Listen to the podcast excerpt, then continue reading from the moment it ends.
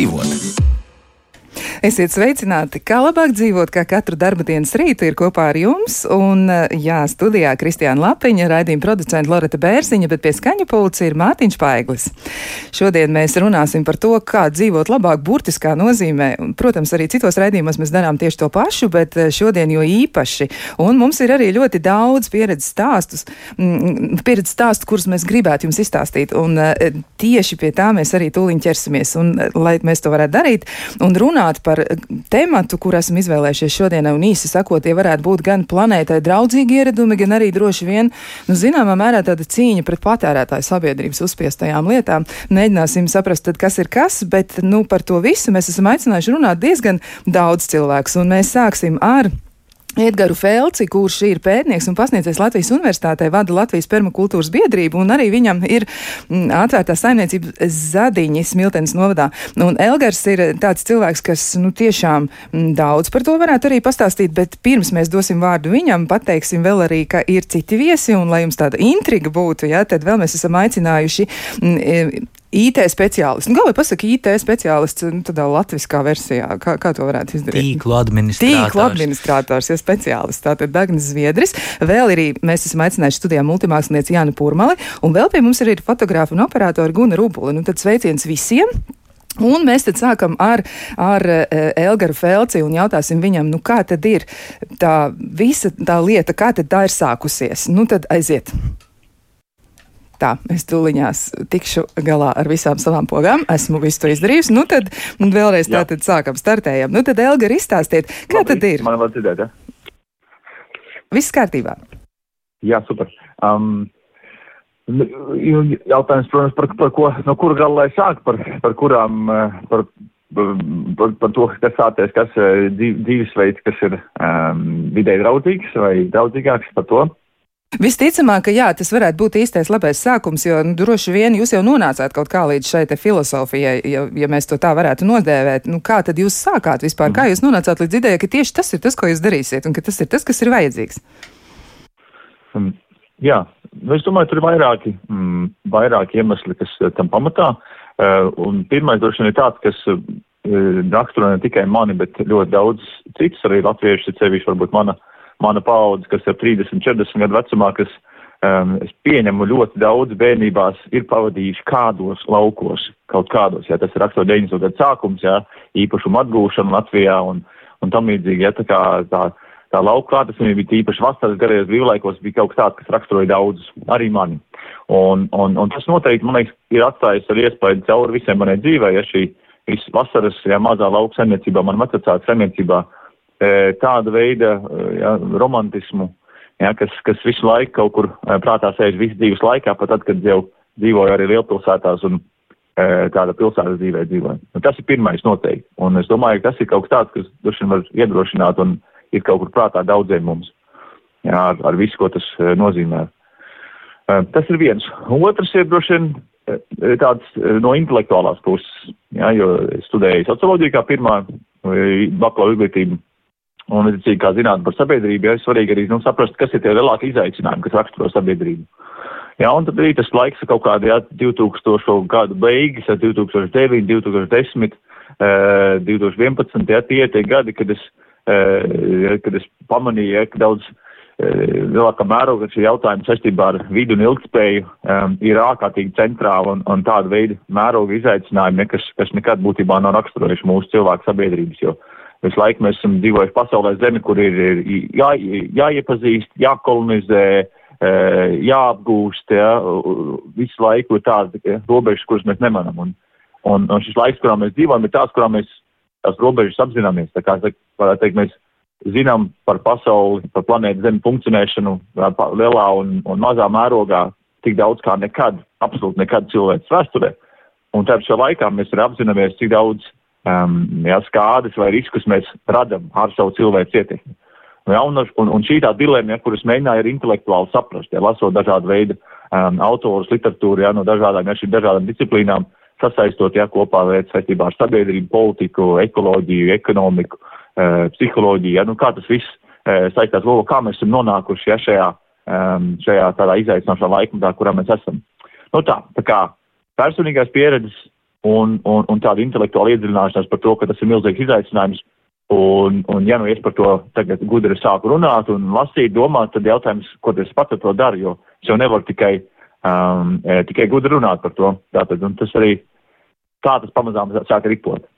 Nu, rekā, tātad eh, tikai gudri runāt, tas tiešām būtu par maz, bet ar to jau ir jāsāk, jāizlasa, jāizpēt, un eh, jūs esat gājis tieši šo ceļu. Bet eh, jums tātad ir atvērtā saimniecība, atvērtā saimniecība, ko tas īsti nozīmē, kā to būtu jāsaprot, kas tad īsti notiek tur, kā tas ir, kāds atbrauc un kaut mm -hmm. ko mhm. dara un pēc tam dodas prom, kā, kā tas vispār ir? Um, jā, um, šī ir tāda um, ideja, lai um, radītu iespēju iespēju, pieejamu iespēju um, iedomāties dzīvi, um, dzīvi laukos un dzīvi nelielā kopienā. Bet arī kopienā tādā um, kopumā pielāgotai vairāk latviešu psiholoģija, latviešu mentalitātei. Ko tas nozīmē daudz lielāku privātumu nekā tādu varbūt dienvidniekiem, Eiropas dienvidniekiem vai Āfrikā vai, vai, vai, vai, vai to vēlētos, vai slāviem, pat, kas, ja, kas pamatā dzīvo ciematā, nevis, nevis laukos. Nu, lūk, um, Un atvērtība tajā, ka mēs esam atvērti tam, ka cilvēki var uz uh, īsu laiku šeit būt, uh, atvērti tam, ka uh, cilvēki un ģimenes var pievienoties arī kā pastāvīgi biedri uh, un, un, un, un dzīvot šajā saimniecībā, kas ir tāds garāks process. Ja.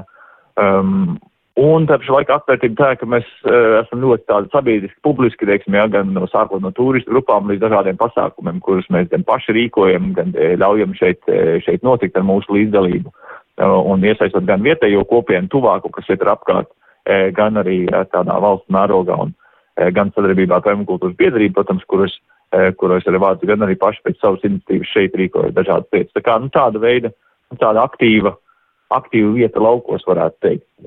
Tas nozīmē, ja kāds interesējas par to, kā tad ir ar nu, tādu atbildīgu saimniekošanu, ko var darīt un kādā veidā tas būtu darāms, tad noteikti var doties pie jums. Ja, un es atgādināšu, ka Smiltens novadā atrodas atvērtā saimniecības zadiņi, un tad, jā, nu, to, to tad visu var mēģināt izpētīt un saprast. Bet, nu, ja jūs varbūt varat raksturot to, cik daudz cilvēku tad dodas pie jums un kāda tad ir tā interese, cik liela tā ir, vai ir daudz gribētāju noskaidrot, kā tad eh, atbildīgi saimniekot vai kā mm, darboties savās saimniecībās, kā to pareizi darīt. Kā jūs raksturotu to cilvēku interesi vai apjomu, cik daudz tas ir un kā tas izpaužas? Mm -hmm.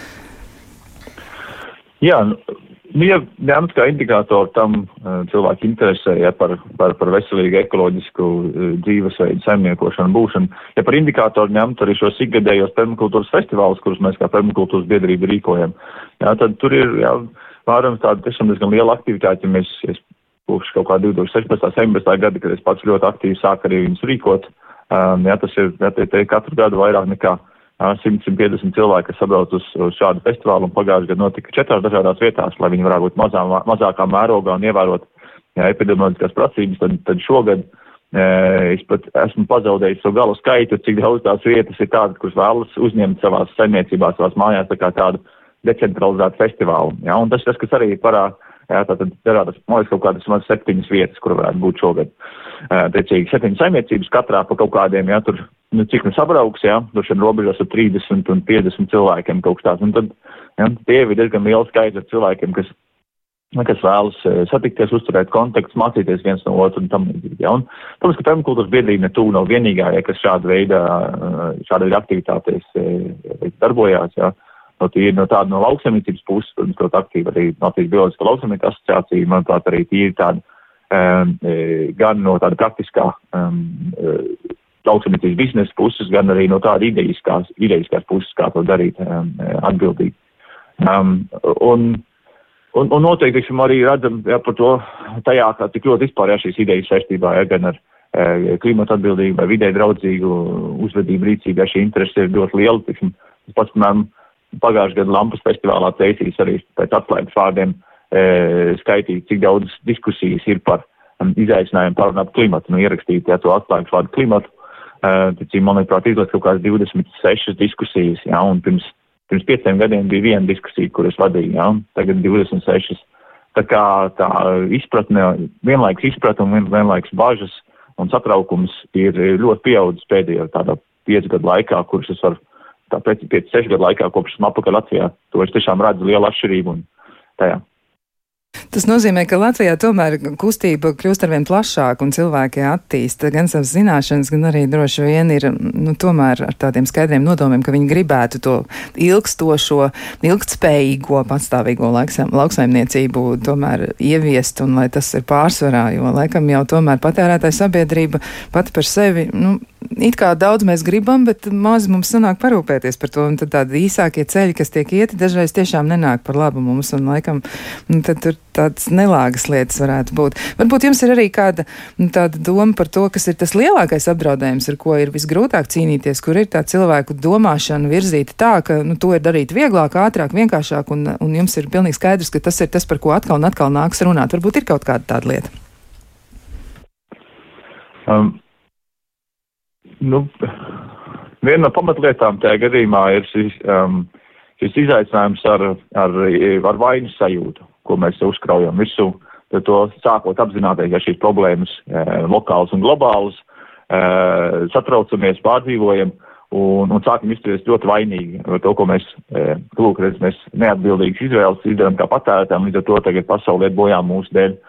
Um, Nu, tur tikai ma maza daļa no patiesības tajā, ja, jo liela daļa no tā, kā mēs dzīvojam, ir tas, tas kāda veida, kāda veida ekonomikas sistēmā, ja, tā teikt, mēs funkcionējam, ja, kāda veida spēli mēs spēlējam, mēģinot savu, savu iztiku nodrošināt, ja, un šie spēles noteikumi ir balstīti tajā, ka e, tas, kurš ir e, egoistiskāks un, un, un, un jā, egoistiskāks un alkatīgāks, jā, bieži vien tādā naudas ziņā ir uzvarētājs, jā, dzīves kvalitātes ziņā iespējams obligāti, jā, tad nu, pie tāda veida, pie tāda veida ekonomiskās arhitektūras, jā, ir, ir grūti sagaidīt ļoti atbildīgi, ja, teiksim, individuālu, individuālu rīcību.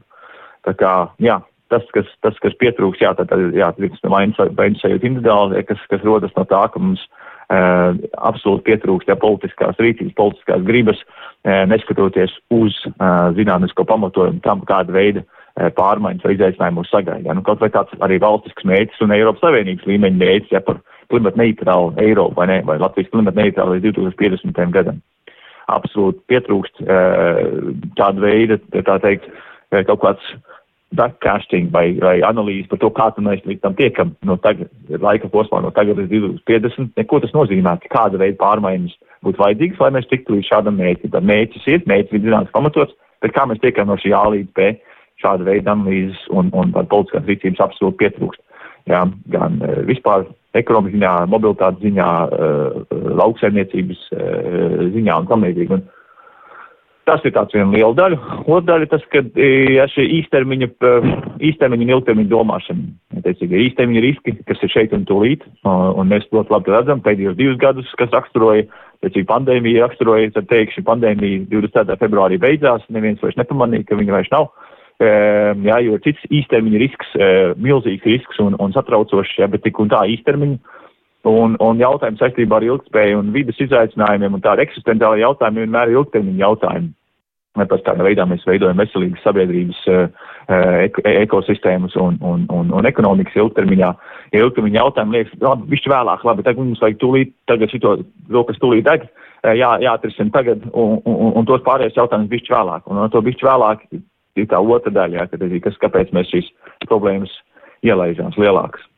Jā, nu skaidrs, tā tad arī tiešām ļoti izvērsts un labs pamatojums. Paldies jums par to, bet šajā brīdī es teikšu paldies Elgaram Felcim un atgādināšu, ka viņš ir pētnieks un pasniedzējs Latvijas universitātē vada arī Latvijas permakultūras biedrību. Paturiet to prātā, jo, ja jūs interesēties par ilgtspējīgu lauksaimniecību, tad noteikti jums būtu vērts vērsties pie šīs biedrības un arī aizbraukt uz atvērto saimniecības zadiņas Miltens novadā, kur nu, saimniekošana tiešām notiek atbilstoši tai filozofijai, ka uz pasaules vēl ir daudz skaistu lietu un notikumu un cilvēku un nevajadzētu to pazaudēt, un par to būtu jārūpējas. Nu, tiešām šai mirklī saku paldies Elgaram Felcim, un paldies. jā, tad lai jums jauka diena, bet mēs pievērsīsimies eh, studijas viesiem šajā mirklī, un tad es gribētu arī jautāt, kā tad ir ar to ilgspējīgo domāšanu, un šo jautājumu uzdošu mm, arī abām dāmām uzreiz. Gribu jautāt gan multimāksliniecei Janai Purmalē, gan arī fotografē un operatorei Gunai Rubulē, nu kā tad ir mm, ar ilgspējīgu domāšanu un to vainas izjūtas apkarošanu?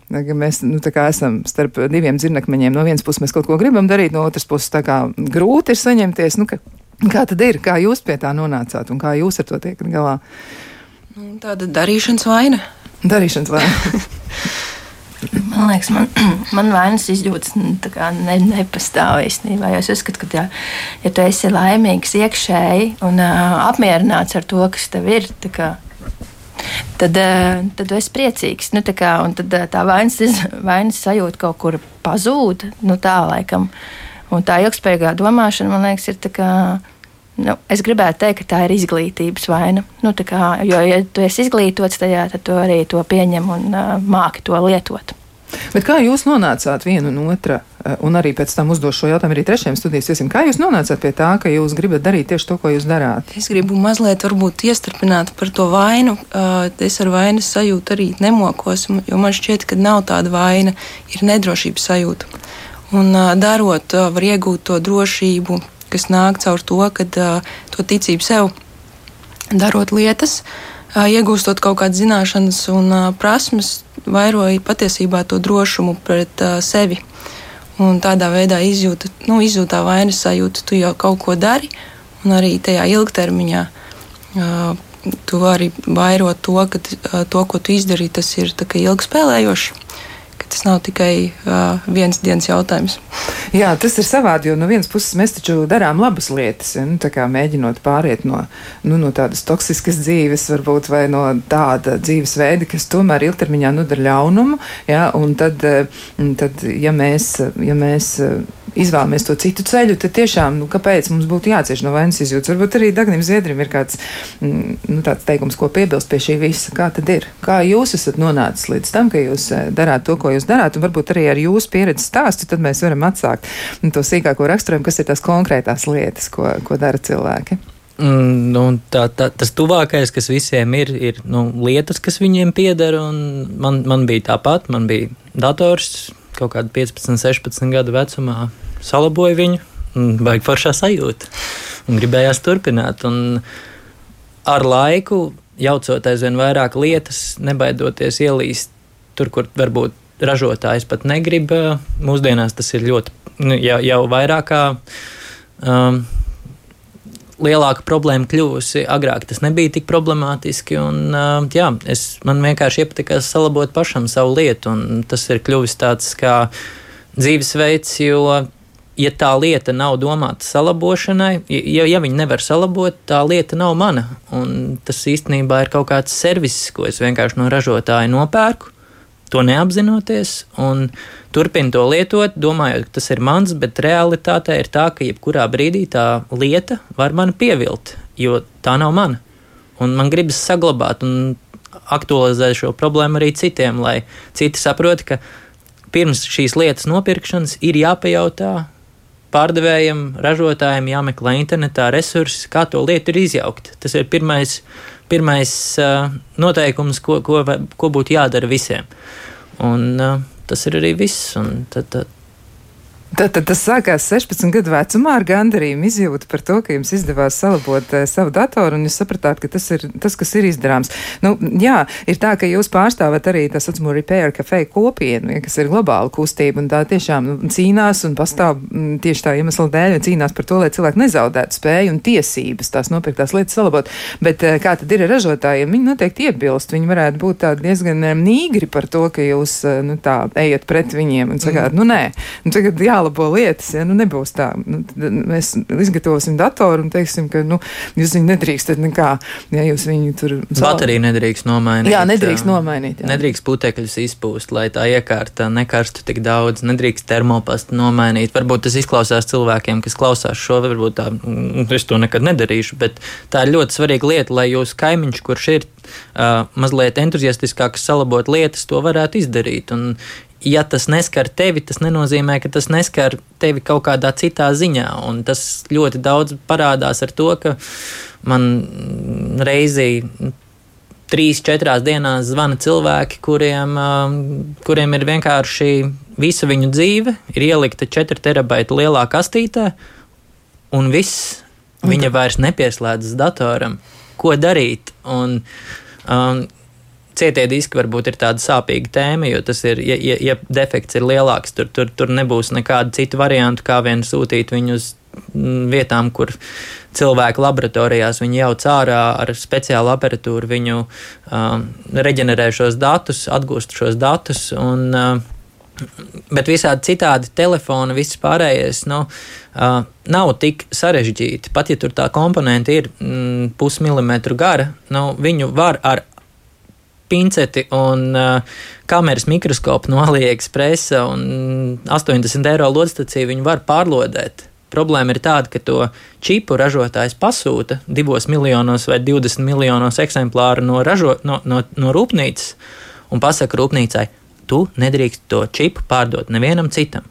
Un ar to varbūt pat nebūtu problēma. Tas ir intelektuālais īpašums, varbūt kā viņi, uz, kā viņi sazīmēja čipā tās līnijas. Uh, uh, bet uh, viņi to čipu paši arī nepārdod. Un, teiksim, telefons mūsdienās maksā, nu, sākot, uh, nu, normāls telefons, es teiktu, nu, 400 eiro.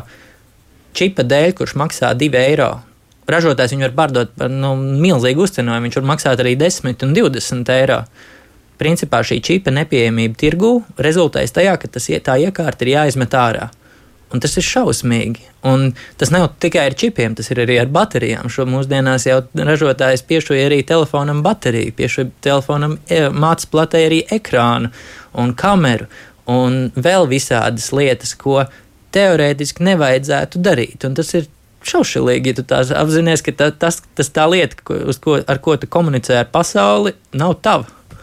Jā, tas ir sarežģīti. Šobrīd mēs vārdā nesauksim manu telefonu ražotāju. Jūs uz viņu skatāties. Bumbieri, bumbieri.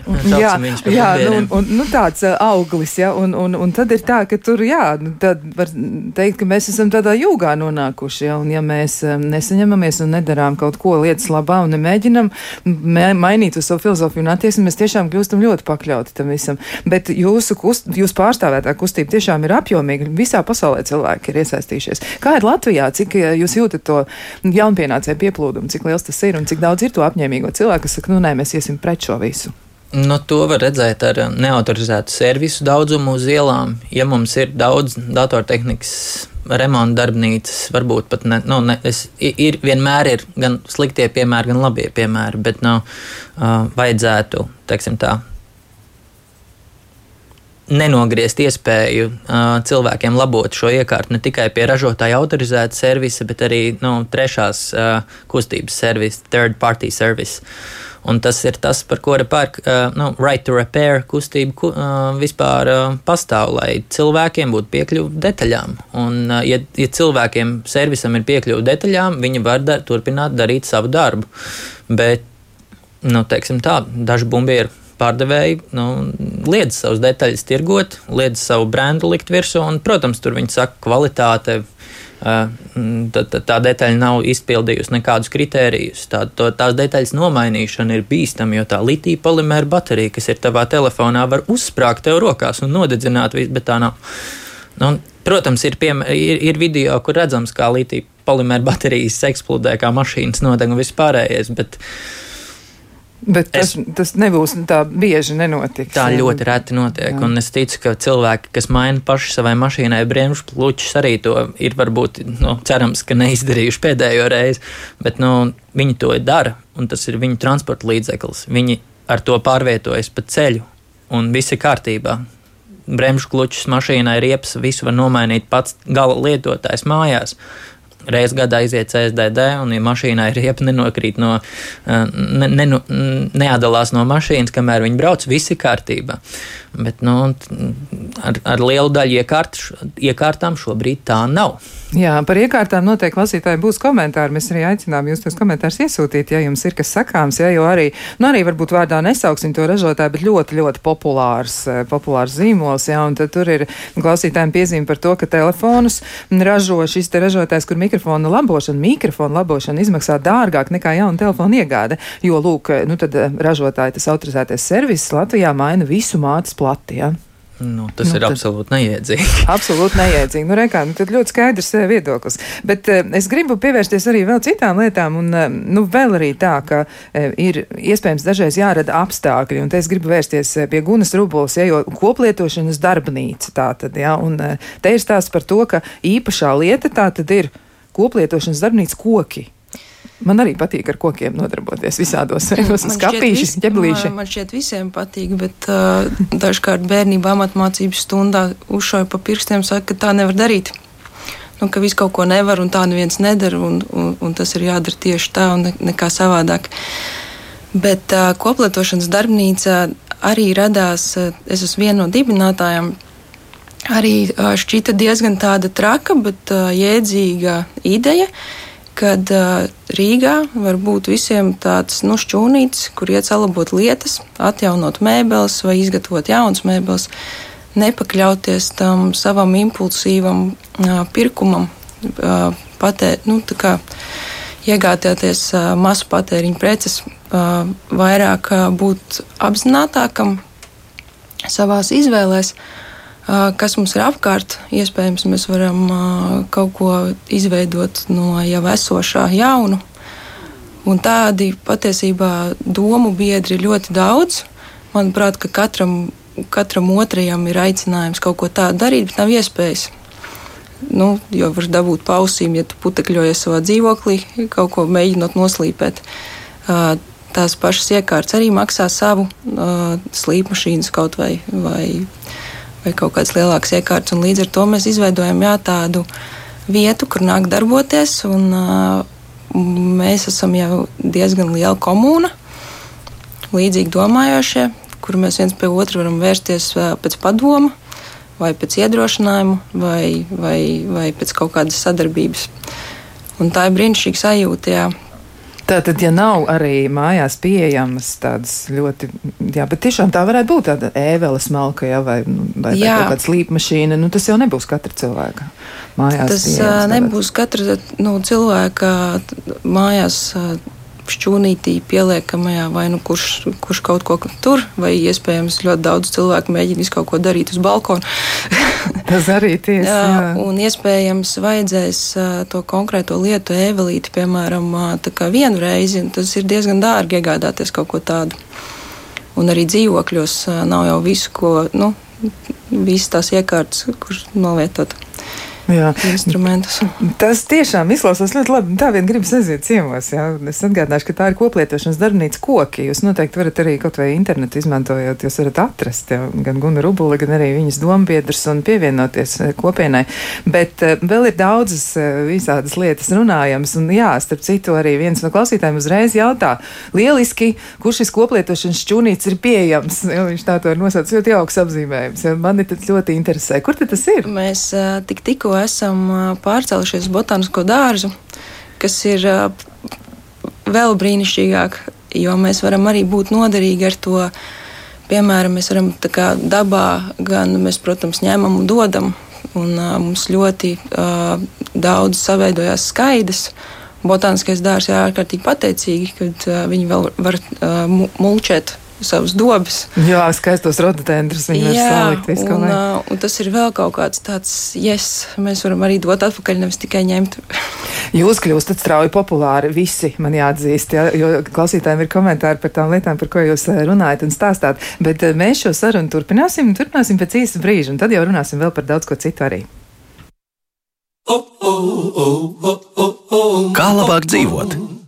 Turpinām sarunu par to, kā dzīvot draudzīgāk planētai, pašiem sev un arī kā pretoties patērētāju sabiedrības uzspiestajām nu, jaunajām normām vai likumiem, kurus mēs tomēr nemaz negribētu tik ļoti cieši ievērot. Un droši vien, ka visiem mums tas arī varētu nākt par labu.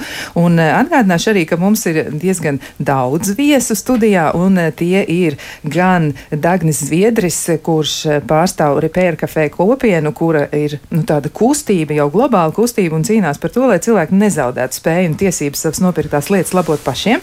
Vēl arī pie mums studijā ir multimākslinieca Jāna Pūrmala, kuras īpašā lieta ir brīvprātīgais eh, darbs maiņas un tikšanās vietā brīvbodē, un tūlīt mēs arī Jānai uzdosim veselu lērumu jautājumu. Vēl pie mums ir arī fotogrāfa un operātora Guna Rubule, kura Mm, pārstāv koplietošanas darbnīcu koki, un eh, klausītājiem ir ļoti daudz jautājumu jau arī par šo, un eh, arī atgādināšu, ka tā ir tāda iniciatīva, kur katrs var iesaistīties, un mēs vēlreiz arī noteikti raidījuma laikā, nu, atkal un atkal precizēsim, kur tas atrodas, ja, kur jūs varat mm, meklēt eh, darbnīcu kokus, un, un, un kur jūs varat pievienoties. Un vēl šajā brīdī mēs esam sazvanījušies arī ar Cēsu digitālā centra priekšsēdētāju Aleksandru Ļubīnski. Sveicināt! Labdien! Nu, lūk, bet pirms mēs iztaujāsim Aleksandru, kurš arī tad izstāstīs, kā tad notiek lietas cēs pusē, man tomēr gribas uzdot jautājumu arī Janai Purmalai, multimāksliniecei. Nu, kā tad notiek lietas šajā virzienā? Kas tas īsti ir, ar ko tad jūs nodarbojaties, un cik jums savukārt ir sekotāji, un kā, kāda iemesla dēļ viņi tad ir izvēlējušies darīt kaut ko tādu? Nu, par brīvbodu runājot, ir tā, ka uh, ir uh, divi veikaliņi. Ir viens ir Viskaļa ielā 36, un viens ir Turgeņa ielā 13. Un princips ir tāds, ka tu vari atnest uz uh, turieni jebko, kas ir labā stāvoklī. Es vienmēr saku tādu, ko tu gribētu iedot savam labākajam draugam, nevis vienkārši draugam, bet labākajam draugam. Tās var būt apģērbs, apavi, grāmatas, tehnika, trauki un rotaļlietas bērniem man liekas, pilnīgi viss. Nu, arī kaut kāds rotas. Un, uh, tagad arī ļoti aktuāli šajā laikā, kad uh, var palīdzēt arī bēgļiem ar šo visu. Un, uh, tā ir vieta, kur satikties, apmainīties, parunāties. Uh, un uh, uzzināt ļoti daudz lietas. Es kā brīvprātīgais tur esmu uzzinājis tādas stāstus, man liekas, varētu rakstīt grāmatas. Tagad. Bet tur vajag. Jo noteikti. tur ir tiešām tik fantastiski stāsti, piemēram, kā varēja agrākos laikos atvest uz Rīgu kanģu paklusojam. Jā, arī tā. Vai arī tur, piemēram, kā labāk iestādīt gurķus, kurā gada laikā. Un tad arī nesa ēdienu. Nu, kā, piemēram, ir dārzeņu, nu, dārzeņu sezona, tad omīts atnes par gurķīšu vai tomātiņus. Nu, tā kā ļoti, ļoti, ļoti mīļi un ļoti draudzīgi. Un, kā, Un es vienkārši aicinu, kā, piemēram, jaunās māmiņas topošās, ka tur ir ļoti daudz rāpulīšu, bērnu mans vienkārši nu, ļoti liela ekonomija ģimenei uzreiz budžetā, tieši tie, nu, lai savāktu visu to nepieciešamo jaudzemušiem, piemēram, kaut kādam. Nu, tā, Un, nu, tā ir ar maziem bērniem. Tā ir. Jūs samiekšķināt acis, jau viņi jau ir jau paaugušies. Nu, tā notiek ar viņiem. Bet tā tad eh, brīvbodi, nu, tad pilnīgi visas lietas, bet nu, tiešām pamatprincips, kas jāpatur prātā labākajam draugam. Labākajam, labākajam draugam, draugam, jā, jo ir, eh, es vienmēr saku, nu, jo parasti jautā, ko lai es atnesu tādu. Es saku, nu, tieši labākajam draugam, labākam draugam taču nenovēlēs baltu krekliņu ar dzeltenām padusēm. Nē, pareizi, vai saplēstas bikses bez viņš pogām. Nebūs, nu, nebūs viņš nebūs priecīgs. Ne. Jo dažreiz cilvēki domā, ka nu, es gribu izdarīt kaut ko labu. Nu, tas būs labs darbs, bet viņi neaizdomājas to, ka tas cilvēks, kas to saņems, viņam arī nav laika piešūt to pogu. Viņam nav laika nest, uh, samainīt reiferi, rāvēslēdzēju, jo rāvēslēdzēju nomaiņa arī maksā tikpat daudz, kā varbūt, uh, nu, nezinu, iegādāties jaunu jaku ja kas, nu tā, tas, tas, eh, nu, un tad ir nu, tā izvēles iespēja, nu, tā kā, un man liekas, tad, kad tu mājās sašķiro tās eh, lietiņas, tad tu vienkārši paskaties vēlreiz, jo es zinu, tur ir tās, tā, tie stāvokļi ir dažādi, tur ir tas mans mīļākais džempers, un es savu mīļāko džemperu došu tev, Guna. Bet tas nekas, ka nu, viņam tur ir caurumiņas, viņas salāpīs, tas te, nu, tev, nu, tā kā es taču labu gribu. Un, uh, nu, nē, tiem cilvēkiem arī, kuri grib nu, nāk uz brīvbodu. Viņi arī grib saņemt tīras, labas lietas. Nu, kā, un, es vienmēr saku, nu, tā, ja tu uzvelc to džemperīti un paskaties, vai tu vari to ar tādu sirdi un dvēseli gribi atdot to viņu. Nu, Ja tev viņš ir tik mīļš, un ar tiem ielāpiņiem mīļš, nu patur viņu sev, varbūt dārza sezonai noderēs. Nu, kā, vai arī kaut kādai trauku lupatiņai var izmantot. Bet kā, otrs cilvēks arī ir. Um, cilvēks, kā es saku, un viņš arī ir pelnījis to pašu labāko. Un, ja tu nevari kā, godīgi kā, iedot labāko, varbūt nedod, nu, nedod nemaz.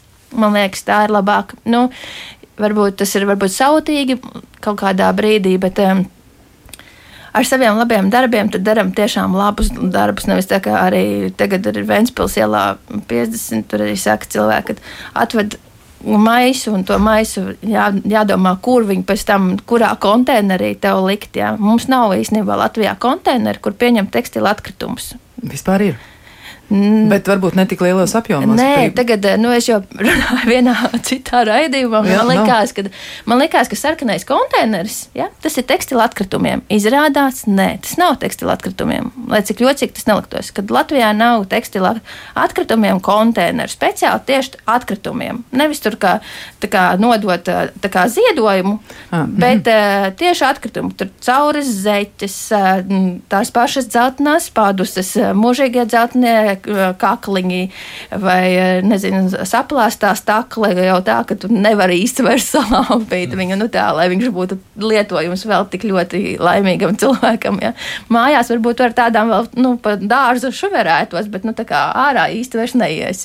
Nu, tad, tā, nu, tas man, tā ir man lielākā sāpe, ja, lielākais tāds, ka tiešām tādiem atkritumiem īsti nav Latvijā vietas. Nu, kā, tur var Ja tu meti kopējā miskastē, slikti.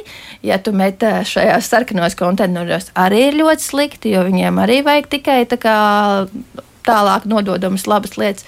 Un tad ir jautājums, kur tam visam palikt. Ir viens ir tas, ka nu, mēs smējamies, ir omītis, un tā, ka mēs varam censties mājās lielāko daļu pārstrādāt. Un es tā kā tekstilu māksliniece arī esmu, tad es to varu iemācīt ļoti daudzās veidos, kā to var izdarīt. Jo īstenībā nav neviens materiāls, kas varētu noiet, nu, kā, nokļūt atkritumu konteinerā jo viņus visus var smuki pārstrādāt. Dažādos tehnikās, dažādos izmēros, vienkārši tas ir laiks. Un mūsdienās, man liekas, cilvēki ir tik ļoti aizņemti ar savu laiku, no ātrumu, ka mēs esam, mums vajag ātri un tagad tūlīt. Un mēs nevaram pagaidīt desmit minūtes vai, nu, teiksim, divas dienas, lai tev būtu superīgs, nu, atkal jauns staigājošs uh, džempers. Ja? Tu negaidīšu divas dienas, man vajag tūlītās tagad. Un uh, tad uh, vienkārši viņš tiek izmests. Nu, tā vietā, lai salabotu viņu smuki. Jā, tas tiesa ir arī aprēķini veikt. Es precīzi tagad nevarēšu pateikt, kas un kā, bet tiešām izrādās, ka var ietaupīt ļoti daudz ūdens un arī citu resursu, ja kāda lieta tiek izmantot ilgāku laiku. Nu, nav tā, ka tas džempers ir jāmaina katru pusgadu, ja, vai pat vēl biežāk. Mēs pilnīgi mierīgi varam arī valkāt ilgāku laiku kādas m, mm, savas drēbes un arī lietot m, mm, citus priekšmetus. Un ir tā, jā, ka.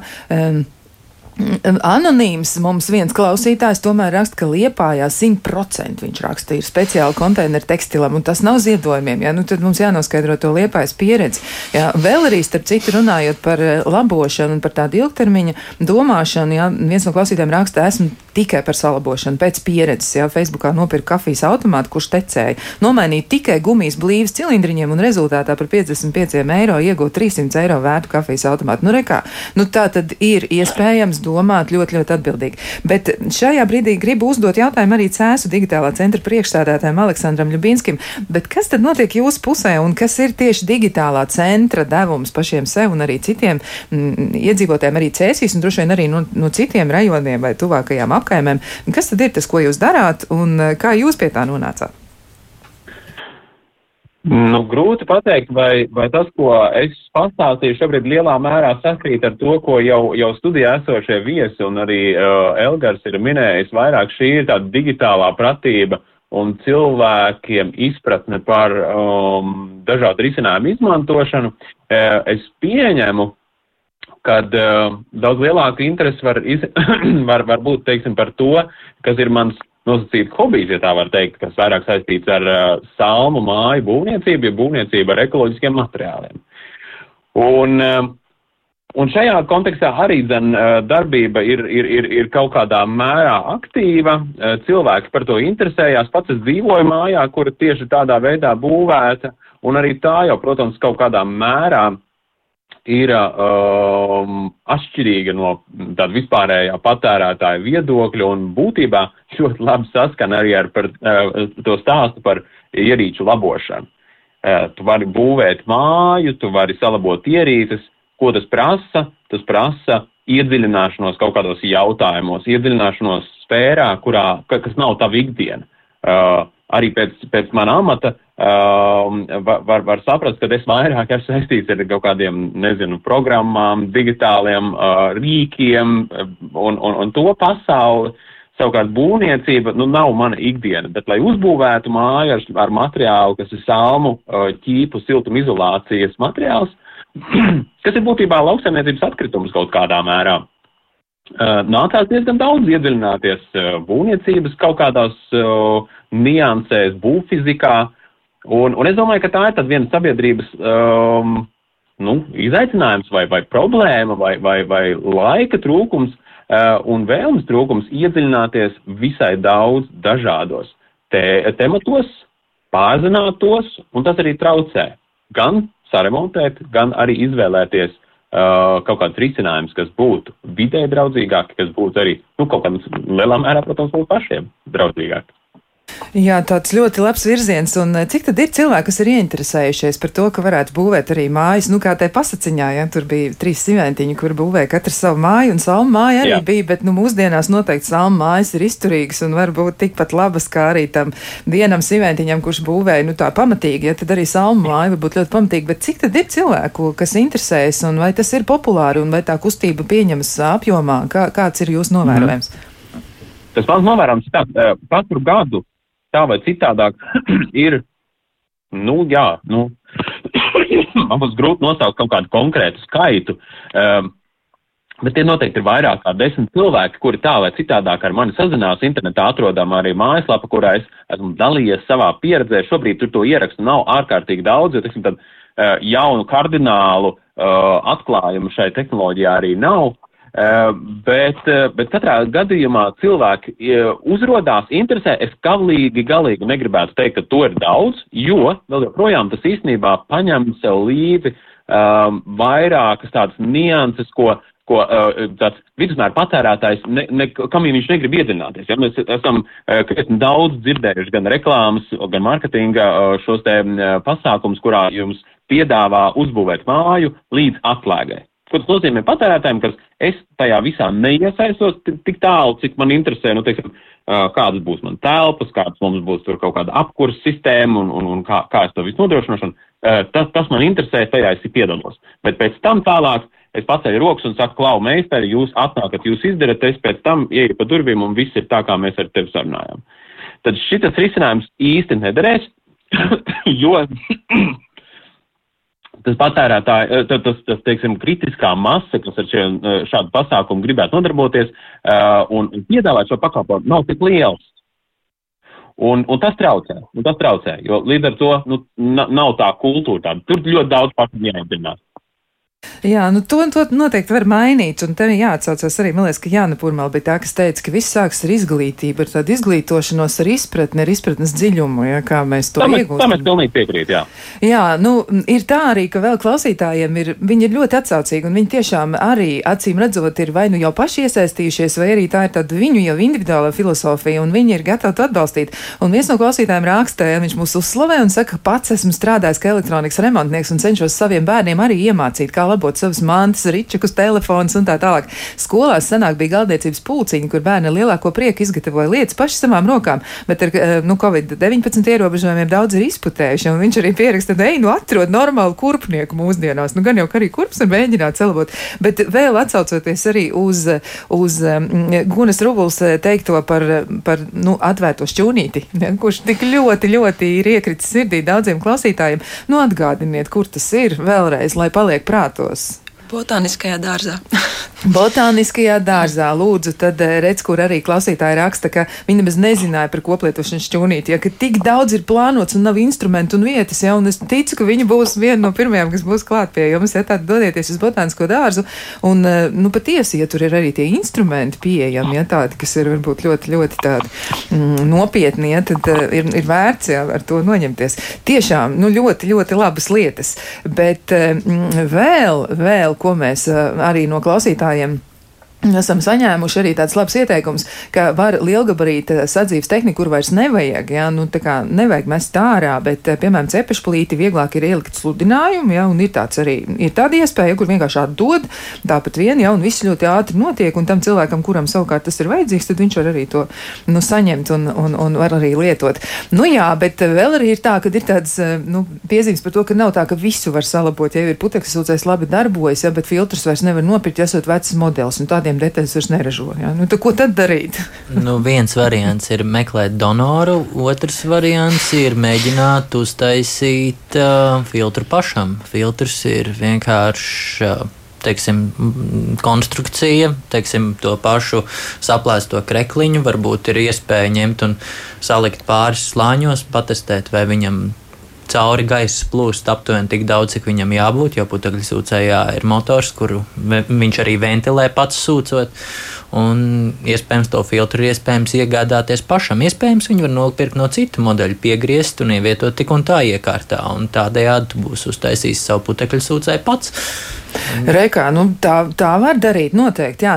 Nu, vēl arī ir klausītājiem gan ieteikums, gan arī tāds jautājums vienlaiks, ja, nu, ka, ja patērētājiem nebūs pieejama informācija, kurš ražotājs ir slikts, tad visi patērētāji kāps uz vienu tā pašu grābekļa. Un tad jautājums ir, kur ir informācija par remonta darbnīcām, datoriem, vientāluruņiem un citai elektronikai. Jo Google, nu, viņš acīm redzot, ir paskatījies, ja Google nevienu tādu Latvijā neatrod. Kā jūs atrast? Nu, kā, kā tikt eh, pie, pie jums un kā iemācīties darīt lietas? Repēra kafē var atrast Facebookā.